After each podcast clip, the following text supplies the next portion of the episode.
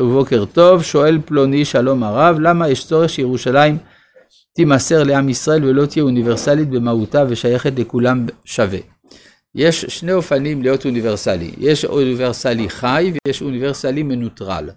אוניברסלי מנוטרל, הכוונה מוזיאון לכל הדתות, ואז אפשר להסתובב, לראות את הכותל, לראות כיפת הסלע, כנסיית הקבר, בעצם זה הופך להיות גן ארכיאולוגי. ואז זה חסר משמעות מבחינת ההתפתחות של עולם הערכים ושל התרבות העולמית. לעומת זה, כאשר ירושלים נמסרת בידי אומה, אומה שהיא אוניברסלית במהותה, שיש לה מסרים אוניברסליים, אז היא באמת הופכת להיות אוניברסלית באמת, ועל זה נאמר, ביתי בית תפילה ייקרא לכל העמים. ובכן, אנחנו ממשיכים בפרק י"ג של ספר במדבר, בפסוק ל"ב. אז האמת היא, בסוף פסוק ל"א צריך קצת להסביר יותר, כי חזק הוא ממנו. מה הטענה של המרגלים כשהם אומרים חזק הוא ממנו, חזק כביכול מהקדוש ברוך הוא, חלילה? ההסבר הוא שהם אומרים שמכיוון שיש לאדם בחירה חופשית, אי אפשר שהקדוש ברוך הוא ידרוש מן האדם לעמוד בניסיונות, בניסיונות של הארץ. כלומר, זה כהבדל בין המפקד העליון לבין מי שנמצא בשטח. מי שנמצא בשטח מבין את הדברים יותר. מה זה השטח? השטח זה ארץ ישראל, שהיא בעלת אופי חזק מאוד.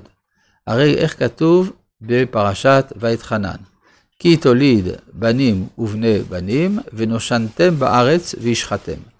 כלומר, הם הבינו שמה שקרה לכנענים, ההידרדרות המוסרית של הכנענים, איננה תולדה של מקרה, אלא המפגש עם הארץ. גם בספרה כתוב כמעשה ארץ כנען אשר אני מביא אתכם שמה, שארץ ישראל היא זו שגרמה להם.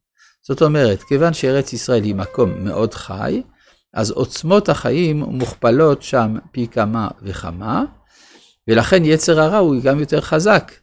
ולכן אי אפשר שלא נידרדר ונגיע למצב של השחתה, שהיא זו שגרמה בסופו של דבר את השמדתם של הכנענים. לכן הם אומרים, לא נוכל לעלות אליהם כי חזק הוא ממנו, מהקדוש ברוך הוא, שדורש מן האדם התנהגות מוסרית, אבל בארץ ישראל אין לנו כוח כזה. כפי שמבואר בפסוק אחר כך מיד, ל"ב, ויוציאו דיבת הארץ אשר תראו אותה, אל בני ישראל לאמור, הארץ אשר עברנו בה לתור אותה, ארץ אוכלת יושביה היא.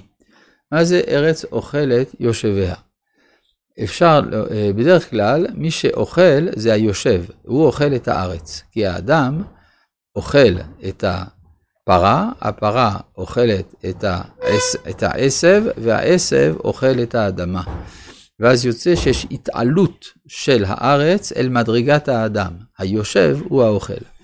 מה שאין כן בארץ ישראל, ארץ אוכלת יושביה, זאת אומרת שהיא קובעת את האופי של האדם. אם היא קובעת את האופי של האדם, אז כוחו של האדם מול הארץ חלש מאוד. ולכן אנחנו יכול, לא יכולים לעמוד במה שהיא מייצגת. וכל העם אשר ראינו בתוכה, אנשי מידות. אנשי מידות, הכוונה אנשים גבוהים. אנש, אה, אפשר להבין את זה גם על דרך הדרוש, מידות, משון מידות הנפש.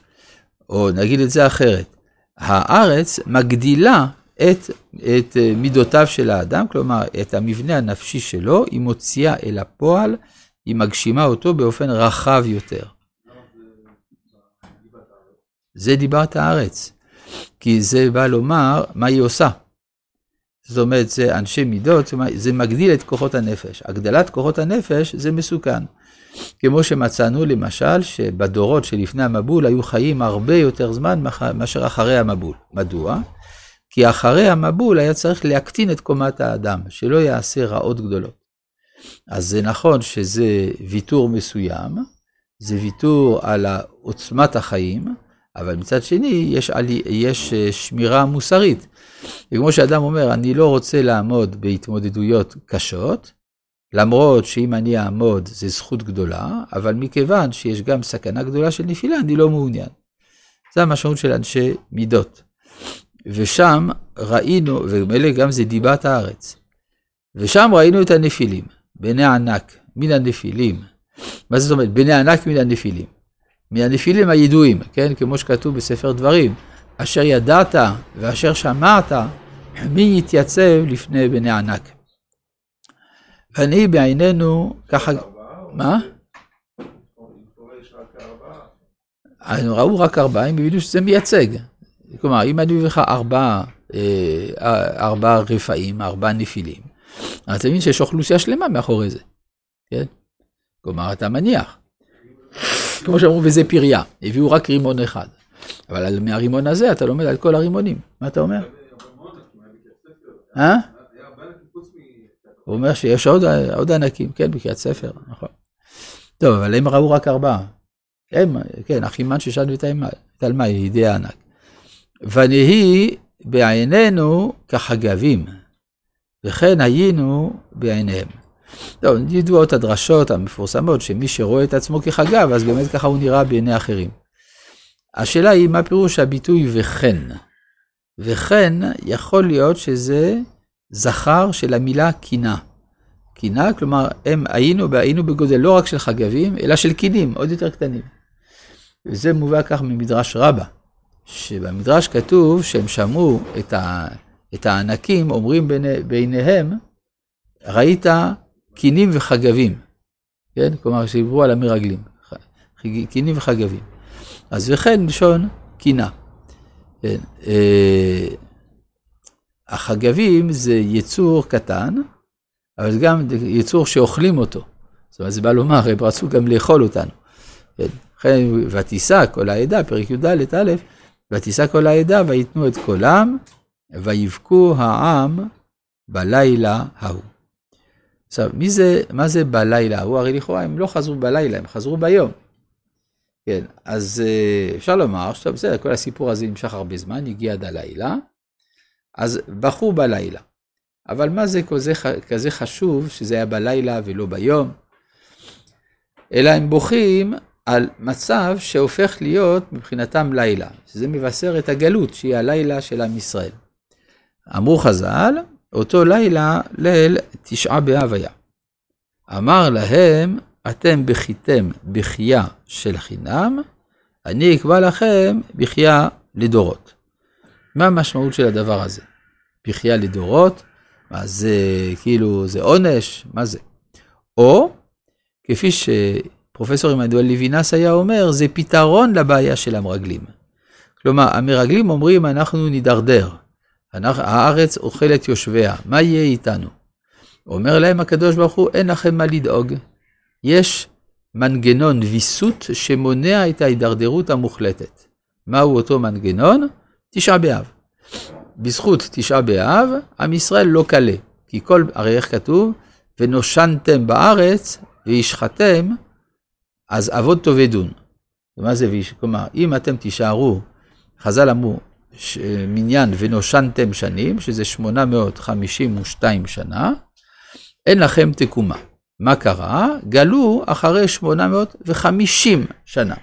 שעל זה נאמר, וישקוד השם על הרעה להביאה אלינו. זאת אומרת שהקדוש ברוך הוא הקדים בשנתיים לבנושנתם, כך שבעצם לא הגענו לעומק ההידרדרות האפשרי, וכך ניצלנו. זאת אומרת, כל פעם שצריך להוציא, שעם ישראל עלול להגיע להידרדרות כמו זו של הכנענים, הקדוש ברוך הוא מוציא אותנו לגלות, ואז אנחנו ניצלים. זה בעצם עומק הדברים בפרשת ויתחנן. עידותי בכם היום את השמיים ואת הארץ, כי עוון תאבדון מהר מעל האדמה.